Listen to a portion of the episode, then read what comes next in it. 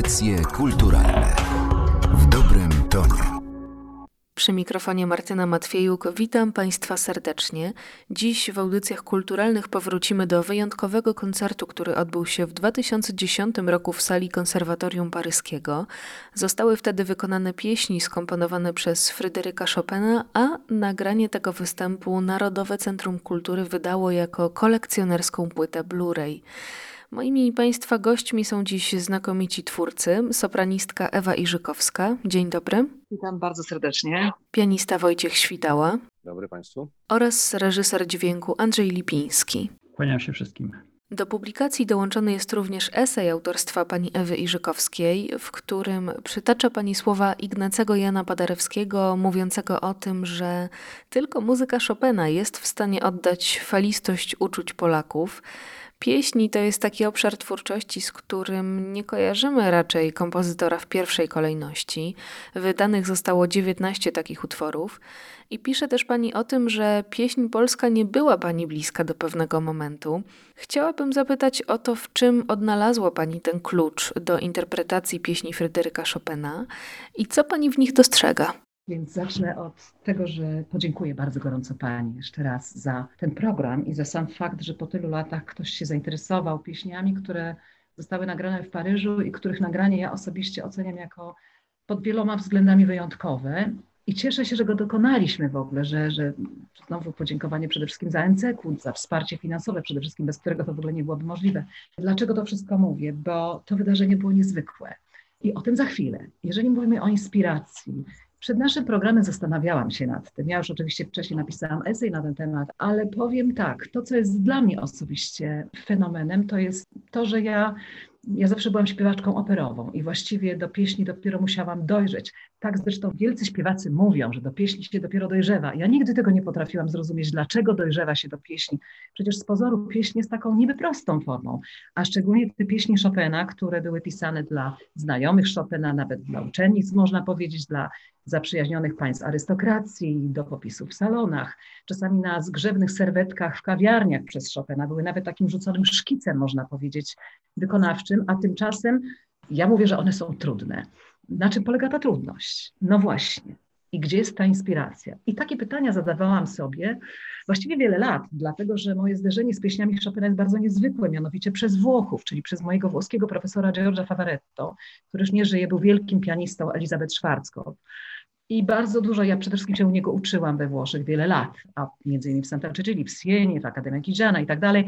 Zawsze o nim wspominam, jeżeli mówimy o pieśni, albowiem on był moją inspiracją. I to chciałam bardzo mocno podkreślić, że ten człowiek, jeżeli mówimy o pieśni, był w istocie moją największą inspiracją, bo ja miałam zawsze za duży głos do pieśni. Mój głos się, że tak powiem, w stosunku do pieśni zachowywał jak słoń w składzie z porcelaną, powiem w cudzysłowie, czyli gdzieś za bardzo był ekspansywny w stosunku do subtelnej formy wypowiedzi, jaką jest pieśń, i która właściwie, podobnie jak poezja, jak wiersz, wymaga pewnej intymności, pewnej wiarygodności w tej intymności, a jednocześnie ogarnięcia bardzo specyficznej formy, która za pomocą jakże subtelnych środków maluje głębie wyrazu.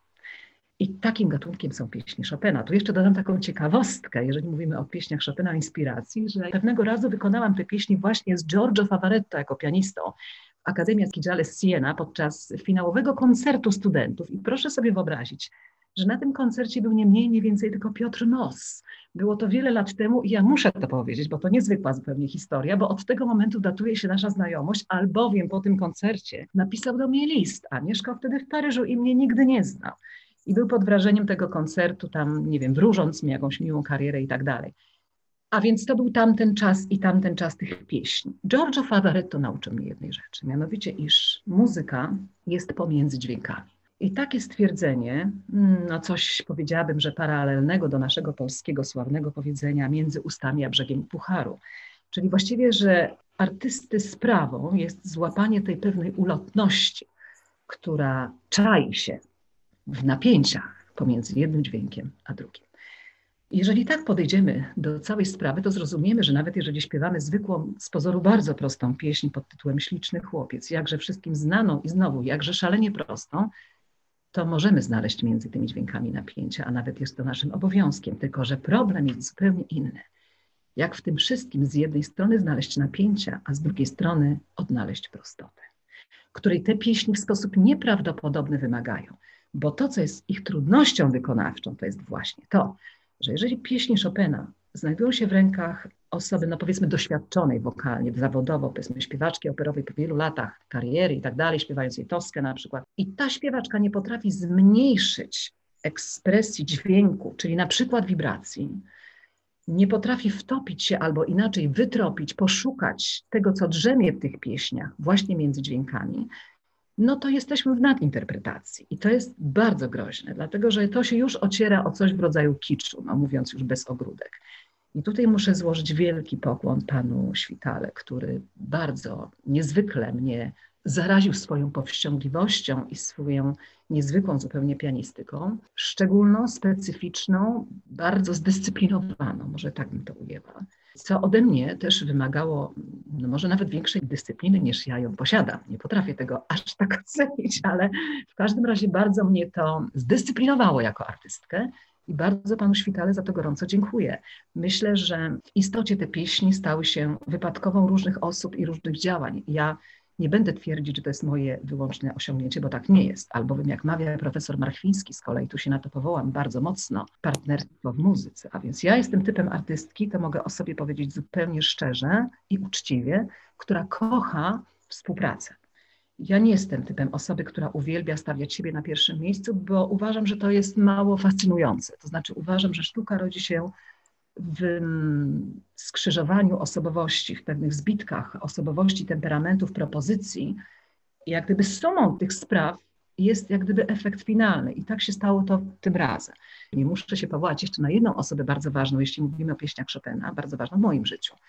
Mianowicie na pana profesora Jerzego Maciejewskiego, z którym wcześniej nagrałam płytę Padrewski Chopin. I to było moje pierwsze spotkanie fonograficzne z pieśniami Chopina, związane również z moją habilitacją, ale nie będę Państwu tego wszystkiego opowiadać. Natomiast jest to istotna informacja, ponieważ pan Jerzy Maciejewski z kolei jest krańcowo innym pianistą niż pan Świtała. Powiedziałabym, że ma inną osobowość artystyczną, bardziej można powiedzieć, że kolorową i taką ekspansywną, promującą na przykład mocno aspekt, nie wiem, tempo rubato i tego typu spraw, które u Chopina notabene były ale jak gdyby bardzo je rozszerzające, element y, stylu Chopinowskiego, czyli one były o wiele bardziej, no były inne, po prostu były inne. I teraz dla mnie trudnością wykonawczą i artystyczną było, jak mówię, spotkanie się z zupełnie innym artystą, którego musiałam najpierw wysłuchać, Czyli najpierw zrozumieć jego osobowość. Co do doceniania tej osobowości, to nie musiałam się na ten temat specjalnie silić, bo to wszyscy wiemy, jakiej miary artystą jest pan profesor Świtała. Natomiast y, ja musiałam się jak gdyby zaprzyjaźnić z tym stylem, poczuć go i wspólnie, powiem tak bardzo górnolotnie, zawibrować w tym stylu. I tak się też stało.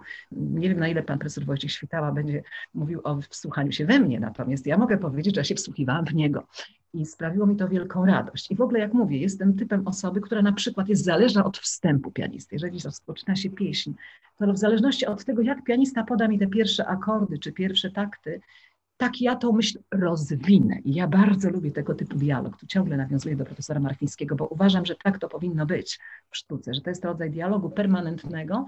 I myślę, że w Paryżu wydarzyła się niezwykła historia, mianowicie to nie był już dialog, tylko to był koncert na cztery instrumenty, albowiem w tych instrumentach był niewątpliwie przede wszystkim pan Wojciech Świtała, który nadawał muzyczny ton całej sprawie. Powiedzmy sobie, ja się w ten ton wtopiłam w taki lub inny sposób. Do Państwa należy ocena tego, w jakim stopniu. Natomiast oczywiście reżyser obrazu i reżyser dźwięku tutaj nadali w tym kwartecie również znamienny ton. Niezwykłością tego nagrania dla mnie był fakt również wizji. To nie było przecież tylko nagranie fonograficzne. To był film. I teraz tu się we mnie obudziła z kolei aktorka, która kazała się odnieść do tej sytuacji. Do partnerstwa w sztuce jeszcze będę chciała nawiązać. Powiedziała Pani o tej roli wstępu, więc zapytam Pana Wojciecha Świtałę o to, co umożliwiają pianiście te pieśni Chopina.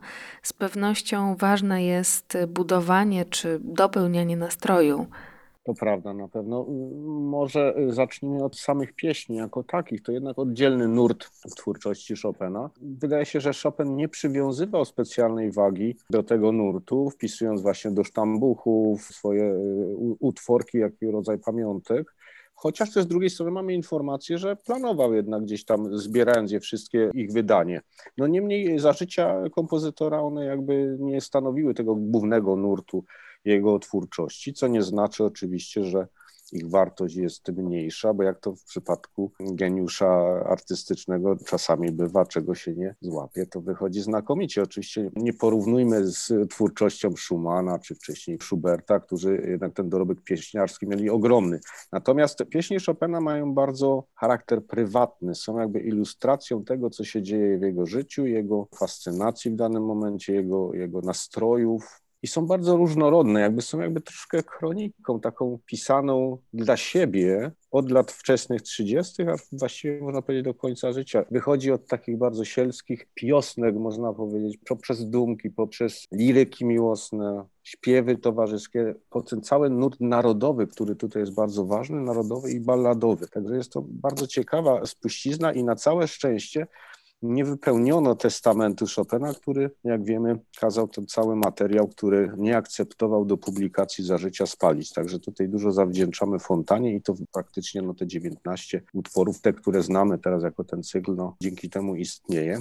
Rola pianisty. Pani Ewa wspomniała o, o, partnerstwie w muzyce. Wiadomo, y, one raczej ze względu na swój charakter, te utwory bardzo proste, zwrotkowe, powodują, że tekst gra bardzo znaczącą rolę. W drugim stopniu na pewno, czy na tym samym oczywiście y, solista, natomiast pianista no, musi się odnaleźć w tym. Wydaje mi się, że też nie może zbytnio narzucać swojej woli. Tutaj ja nie starałem się specjalnie narzucać, biorąc sobie też do serca słowa samego Chopina, że prostota jest celem muzyce. W zasadzie to, co może proponować pianista tutaj, to, to są te drobne, skromne ritornele pomiędzy zwrotkami i tam rzeczywiście troszkę, troszkę tej propozycji jest więcej. Ja pojmuję w sposób taki dosyć klasyczny te relacje. Być może różnimy się w ten sposób bardzo charakterologicznie z panią profesor Irzykowską, no ale wydaje mi się, że gdzieś na styku tych dwóch różnych osobowości umieliśmy znaleźć wspólny język i ja bardzo jestem wdzięczny za tą możliwość współpracy i to, co powstało pod każdym względem i, i interpretacyjnym, i dźwiękowym, i technicznym. To było dla mnie bardzo duże doświadczenie i instrumentalnym też przecież, bo to historyczny fortepian Pleyela, także to było bardzo, bardzo, bardzo inspirujący czas w moim życiu i bardzo obu Państwu i Panu Andrzejowi Lipińskiemu, genialnemu po prostu człowiekowi od reżyserii dźwięku, od sprzętu audio i, znakomitej śpiewaczce bardzo dziękuję. Chciałabym jeszcze nawiązać do tej różnorodności tematycznej pieśni, bo mówiąc słowami Mieczysława Tomaszewskiego, one stały się takim dziennikiem muzycznym Chopina i teksty, które wybierał, odwzorowywały momenty jego życia i to, co odczuwał na poszczególnych etapach. Czy mają Państwo może spośród tych 19 utworów takie szczególne, które darzą Państwo sentymentem? Jedną sprawą są nasze wewnętrzne uczucia jako kompozytora czy jako odtwórcy, a drugą sprawą jest efekt. I ja tutaj nawiążę do tego, co powiedziałam o moim spotkaniu z Piotrem Mosem w Sienie podczas koncertu, gdzie wykonywałem pieśń Śliczny Chłopiec, ponieważ Giorgio Favaretto nie chciał w ogóle niczego innego słyszeć w moim wykonaniu, tylko i wyłącznie tą jedną pieśń. Dlaczego o tym mówię? Ponieważ myślę, że to jest najbardziej popularna, poza Gdybym ja była słoneczkiem na niebie, jest to najbardziej popularna pieśń Chopina, niezależnie znowu od tego, czy Chopin ją najbardziej kochał, czy nie, albo czy na ile jest głęboka, czy nie. Natomiast jej całokształt, to znaczy stosunek muzyki do tekstu, jej radość, jej rozkoszna taka zwiewność tej pieśni po prostu budzi nieprawdopodobny pozytywny odzew publiczności. I ja muszę powiedzieć, że jako śpiewaczka całe życie wykonywałam tą pieśń zazwyczaj na bis po prostu, bo jest to pieśń, która wyrywa publiczność z foteli. Świetna, radosna pieśń. Natomiast jeżeli mówimy o preferencjach, melodia jest jedną z moich ukochanych pieśni, czyli z gór gdzieś wigali. I tutaj po prostu widzę cały, cały rodzaj opowiadania, które należy przeprowadzić. Opowiadania już bynajmniej nie tak radosnego, opowiadania być może, z którym się Chopin utożsamiał, o pielgrzymowaniu, o drodze, o dążeniu o jakichś światełkach w tunelu, wędrowca. W każdym razie dla mnie ta pieśń jest jedną z piękniejszych. Wiele osób najbardziej ceni z całego zbioru na przykład Leci liście pieśni.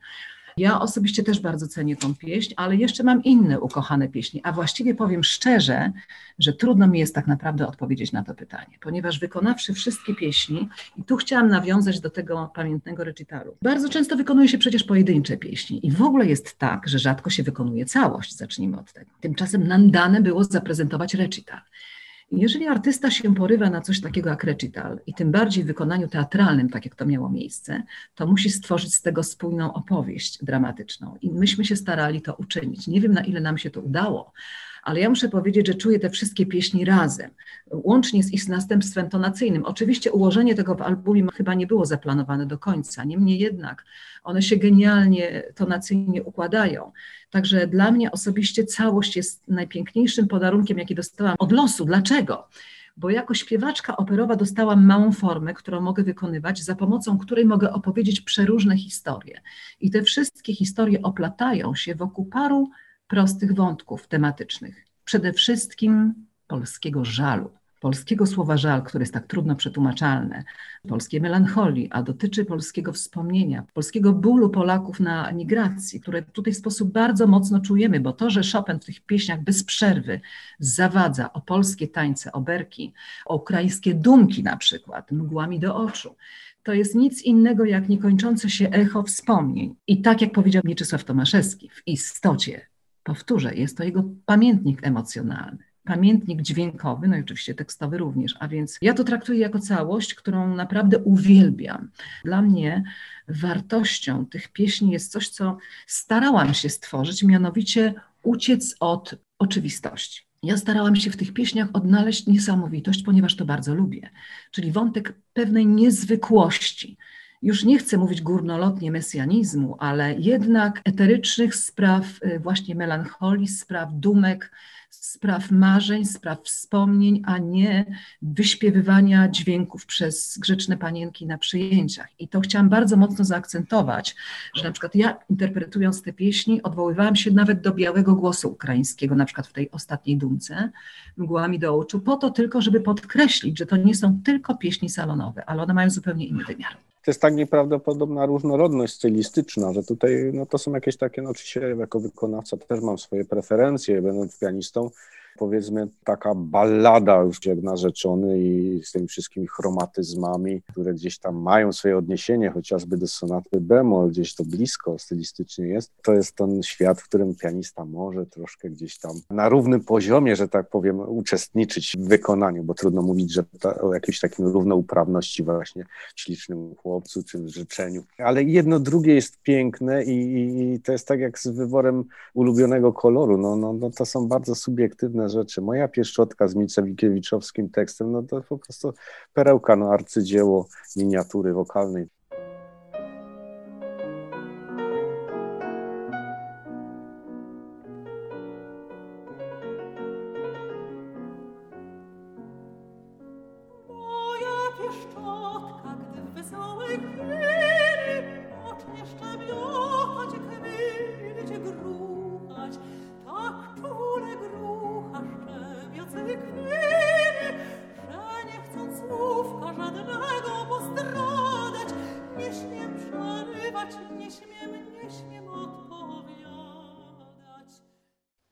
To powróćmy teraz proszę do tego partnerstwa w muzyce. Jak zrozumieć się w tych interpretacjach?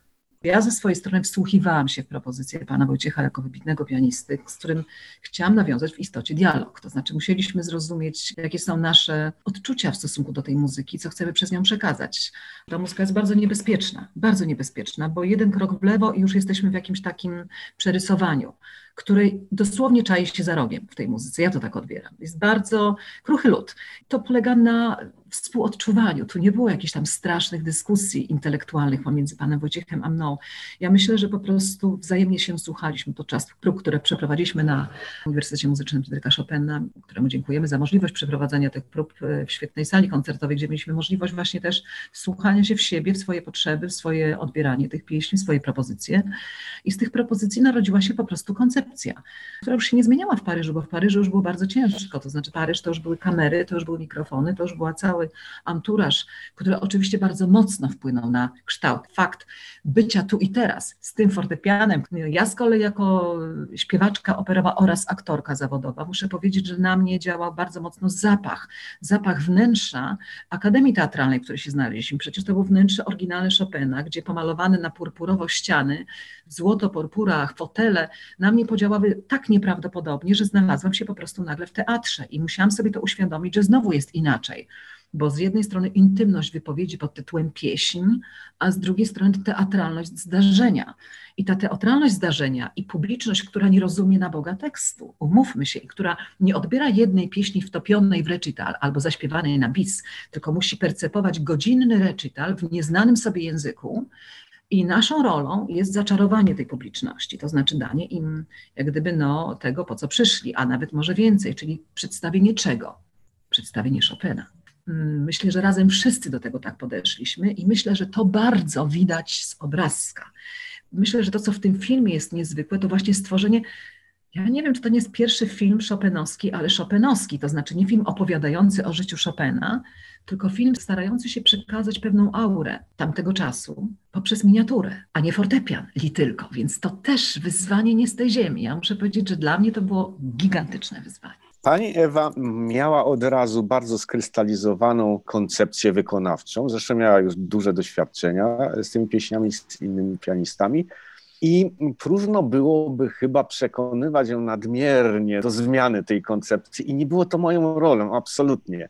Bo wszystko, co najgorsze można tutaj zrobić, to stworzyć koncepcję, która nie będzie szczera. Najbardziej mi zależało, żeby realizowała to, na czym jej najbardziej zależy. Ja to miałem wspierać, podkolorować, pomóc, natomiast broń Boże, nie zburzyć tego jeżeli udało się to zrobić, no to się cieszę, ale jak zwykle w przypadku każdego kompromisu, to są pewne rzeczy, które są lepsze, które są gorsze. To zawsze się uciera, że wiadomo, że kompromis jest obstronny, ale tutaj w tym przypadku śpiewaczka musi dominować, bo to jest jej świat, to jest jej tekst, to jest jej ekspresja, a czasami to proste podparcie harmoniczne, no jeżeli, jeżeli jest zagrane ze zrozumieniem jej intencji, no to wtedy jest wtedy jest cel osiągnięty, absolutnie. Dodam, że to jest jej interpretacja, jej wola i tak dalej, ale dodam i ryzyko, dlatego że to, co oboje z Panem, a szczególnie Pan, podjęliśmy, to jednak było pewnego rodzaju ryzyko. Dlaczego? Dlatego, że jeszcze raz podkreślam, ten sposób jak gdyby nagrania, no nie był taki najłatwiejszy.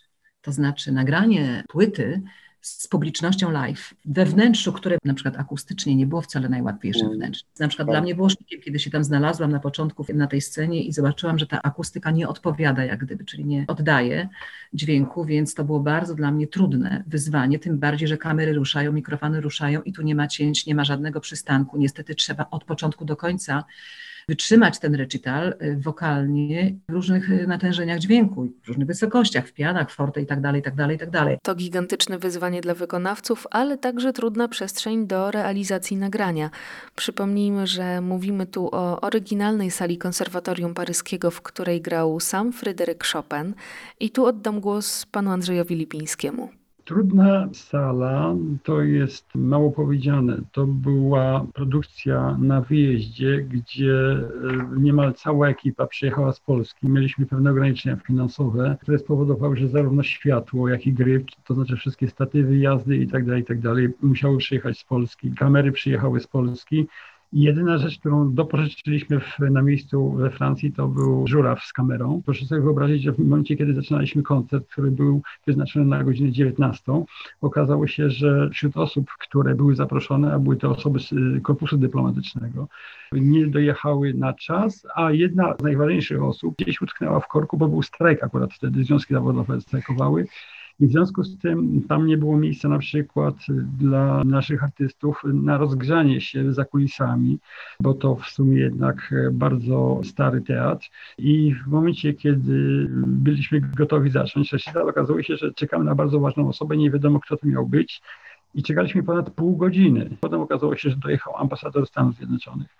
Poza tym użyłem dwóch zupełnie niezależnych systemów nagraniowych, komputerowych dwóch zupełnie niezależnych zestawów komputerowych, bo to było jedno podejście, olbrzymi wysiłek i jedna szansa na zrobienie tego wszystkiego w jednym miejscu, w jednym czasie. Nie powiem, że był to cały sprzęt prototypowy, bo oprócz reżyserii dźwięku również ja skonstruowałem ten sprzęt, właściwie wszystko, na czym pracowaliśmy, było mojej konstrukcji, dlatego że doszedłem do wniosku, że tak zwane najlepsze urządzenia na świecie tutaj nie wystarczają. W związku z tym y, swego czasu zacząłem budować całe urządzenia. Najpierw modyfikować urządzenia, y, które miałem do dyspozycji, a potem budować je od początku. One były już ograne, ale zawsze istniało jakieś ryzyko, że coś może pójść nie tak. Ale chyba najważniejsza sprawa, jak zaczynam każdego roku wykłady na Wydziale Reżyserii Dźwięku i mówimy o tym, jakie elementy są najistotniejsze w łańcuchu nagraniowym, no to oczywiście zaczynamy od tego, ja mówię po prostu tak, jak biegnie sygnał, czyli przede wszystkim źródło dźwięku, w tym wypadku głos, fortepian, potem akustyka pomieszczenia i to była chyba największa trudność, bo artystów byłem zupełnie spokojny, i potem oczywiście mikrofony, potem przezmacniacze mikrofonowe i tak dalej, i tak dalej. Ale wracając do źródła dźwięku, muszę oddać głos naszemu wspaniałemu pianiście, który może opowie o tym, jak szukaliśmy instrumentu w czasie naszych dwóch wypraw do Francji, wizytując różnych kolekcjonerów instrumentów, a nie muszę chyba dodawać, że Wojciech Świtała jest wyjątkowo wybrednym artystą, który po prostu odrzucał instrument po instrumencie. Dopiero druga wyprawa do Francji, znaleźliśmy u jednego z kolekcjonerów trzy instrumenty. Jeden z nich, pan Wojciech powiedział, no ewentualnie ten instrument, gdyby go się dobrze nastroiło, to kto wie to dodajmy jeszcze, że to jest unikatowy instrument, na którym Fryderyk Chopin grał w 1843 roku, fortepian firmy Pleyel. Jak udało się do niego dotrzeć? No muszę powiedzieć, że tak, no jestem wybredny, no ale proszę wziąć pod uwagę, jeżeli widzi się zakres tego projektu, jeżeli ma się tutaj jako partnerkę znakomitą śpiewaczkę, jeżeli to jest zakrojone na taką skalę, wszystko ma się odbyć w konserwatorium paryskim, no to to nie może być instrument, który no jest, przepraszam, z, z dolnej półki, czyli wypadało znaleźć coś, co by spełniło. I wydaje mi się w ostateczności, jak się słucha tego nagrania, już tam abstrahując od fantastycznej realizacji, to ten instrument naprawdę się obronił na tej estradzie, dając ten element jakby dodatkowy w postaci jego, jego nie, nieprawdopodobnej złożoności brzmieniowej i takiej różnorodności brzmieniowej.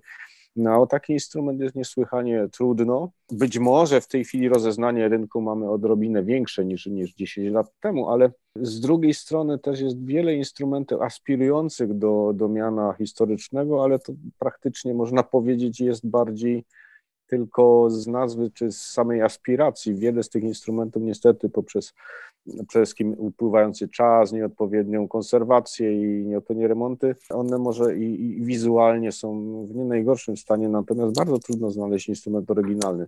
Wydaje się, że dopiero w tej korekcji Żana Żyda na południu Francji, tak, gdzieśmy z panem Andrzejem, a pan Andrzej no, no, dzielnie mi, mi, mi, mnie, że tak powiem, prowadził przez te moje poszukiwania, znaleźliśmy rzeczywiście instrumenty, które możemy uznać za, za w pełni autentyczne, co nie znaczy, że przy tej autentyczności te instrumenty są łatwe. To chyba każdy z pianistów, który tam dotknął Pleyela, takiego prawdziwego Pleyela, nie takiego troszkę powiedzmy gdzieś tam na początku XX wieku lekko poprawionego, to może potwierdzić, że to nie jest łatwość grania, nawet tak jak na instrumencie Erarda, co zresztą bardzo fajnie koresponduje z tym, o czym mówił Chopin, że jeżeli jest w formie, to wybiera zdecydowanie Pleyel, ale jeżeli nie, niekoniecznie, no to to w zasadzie Erard załatwia mu te wszystkie rzeczy. Także tutaj widziałem, że ten player ma duży potencjał, duże możliwości, ale też wiedziałem, że jest to pewne ryzyko, szczególnie e, jeżeli chodzi o granie na takim instrumencie, jest to ryzyko związane z samym występem publicznym, gdzie jednak troszkę powiedzmy nasze jakieś napięcie mięśniowe jest odrobinę inne i ta kontrola nie jest aż taka jak w warunkach studyjnych, czy gdzieś w warunkach salonowych,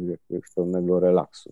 No, nie, niestety nie mogliśmy skorzystać z instrumentu będącego na wyposażeniu polskich tutaj ośrodków w Paryżu, ponieważ no, on został w sposób całkowicie bezpowrotny zniszczony poprzez niewłaściwy remont. No i tak to z tymi instrumentami niestety jest. Są bardzo kapryśne, ale jak się znajdzie odpowiedni instrument w odpowiedniej chwili, w odpowiednim momencie, w otoczeniu i w odpowiednią realizacją, no to oddaje po prostu swoje piękno i swoją niepowtarzalność w tym nagraniu. Ja jestem bardzo, bardzo zachwycony tej relacji pomiędzy głosem pani Żykowskiej, a instrumentem Lejela w takim właśnie pieśni jak narzeczony, to wszystko rozedrgane w tych chromatyzmach, a jednocześnie nieprzytłaczające, także to fantastyczny instrument.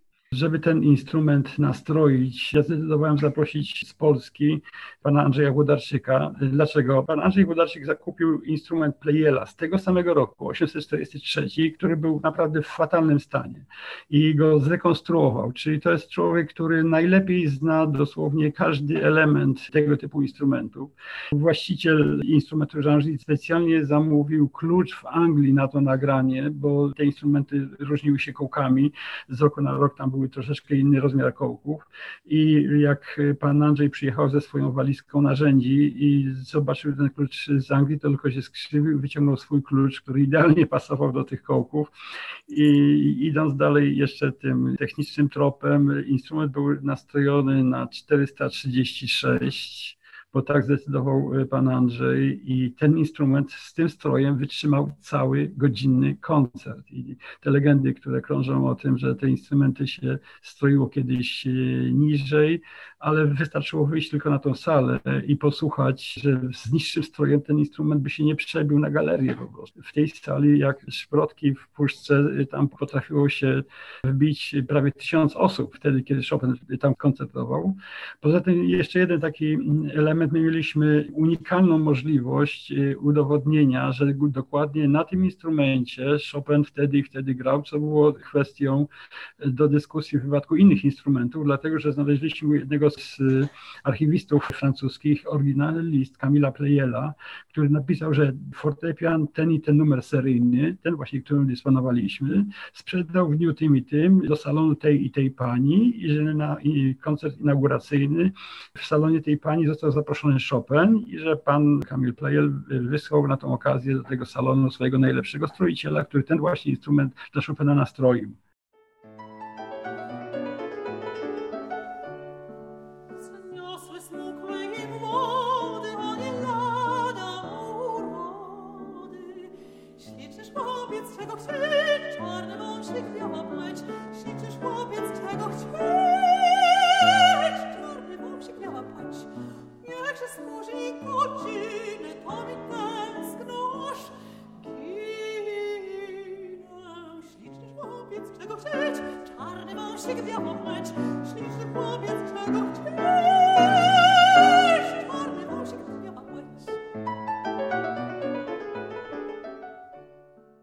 Ten Blu-ray wydany wspólnie z Narodowym Centrum Kultury był drugą płytą, którą wspólnie zrobiliśmy. Drugim Blu-rayem, pierwszym Blu-rayem była trzecia symfonia Henryka Mikołaja Góreckiego. Jedyne nagranie dyrygowane przez kompozytora. Nagrania dokonaliśmy w no, co prawda wybudowanym kościele w Zakopanem, ale zaledwie kamieniem rzucił od miejsca, gdzie Górecki znalazł w tej niemieckiej katowni tekst, na którym oparł werset z tego tekstu umieścił w, trzeciej części trzeciej symfonii. W tym wypadku mieliśmy do czynienia z jedynym zachowanym miejscem, w którym Chopin koncertował w Paryżu, bo ja tam pojechałem wcześniej jeszcze na dokumentację z operatorem obrazu Stanisławem Szymańskim i mieliśmy do wyboru cztery miejsca. Sala Pleyela, ona w tej chwili jest na 2000 miejsc, niczym nie przypomina mm, miejsca, w którym Chopin koncertował. Hotel Lambert, on właśnie został sprzedany jakimś Arabom i nawet y, oni tam zrobili gigantyczny remont, niszcząc wnętrza, także nawet francuskie Ministerstwo Kultury musiało interweniować. Trzecim miejscem, którym się zachwyciliśmy natychmiast y, jest pałac, w którym się mieści ambasada polska w tej chwili i pod koniec dopiero dokumentacji zdjęciowej dowiedzieliśmy się, że to wnętrze zostało zgodnie z trendami panującymi w tym czasie w, w Paryżu przebudowane w roku 840 chyba, nie pamiętam którym i zaraz potem zostało przebudowane właśnie w tym stylu neobarokowym i to nie miało nic absolutnie wspólnego z wnętrzem, w którym Chopin występował. Natomiast y, oczywiście czwartym miejscem była sala konserwatorium paryskiego. Po prostu no, załamałem się, bo zobaczyłem zdjęcia z renowacji. Mówię, no renowacja, koniec. Kolejna sala, która w niczym nie będzie przypominała wnętrza, w którym Chopin występował, ale na wszelki wypadek jakaś intuicja nas tam zawiodła ze Staszkiem Szymańskim, żeby to wnętrze zobaczyć i stanęliśmy, dosłownie zdębiliśmy. Tam się nawet zapach zgadzał. Po prostu zostały zdemontowane ściany, uzupełnione jakimś materiałem ognioodpornym, po czym wszystko zostało zrekonstruowane idealnie, dokładnie tak, jak wtedy, kiedy Chopin w tym występował.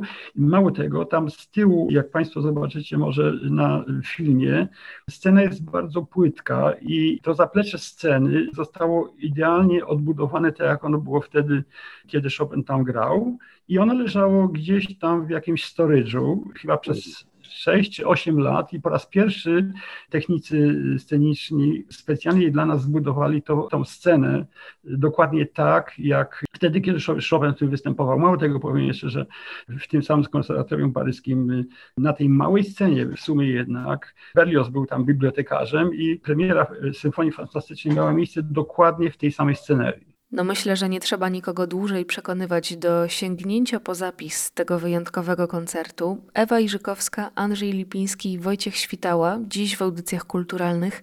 Bardzo dziękuję Państwu za to spotkanie. Dziękujemy bardzo. Dziękujemy.